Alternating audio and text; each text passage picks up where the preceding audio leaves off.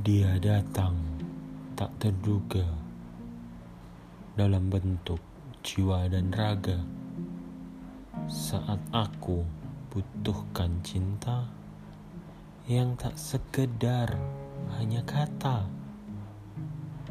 Dia mengobati hatiku yang luka dan kosong menunggu alam baka.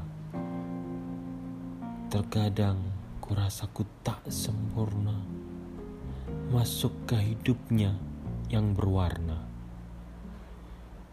Matanya membuatku bahagia.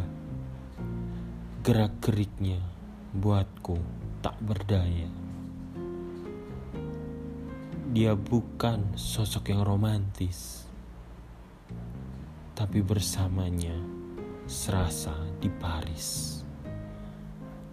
Ku takut hatinya tersakiti oleh hatiku yang telah mati.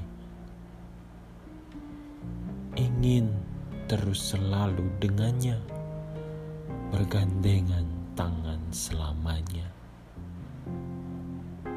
Tak ada momen yang terlewatkan.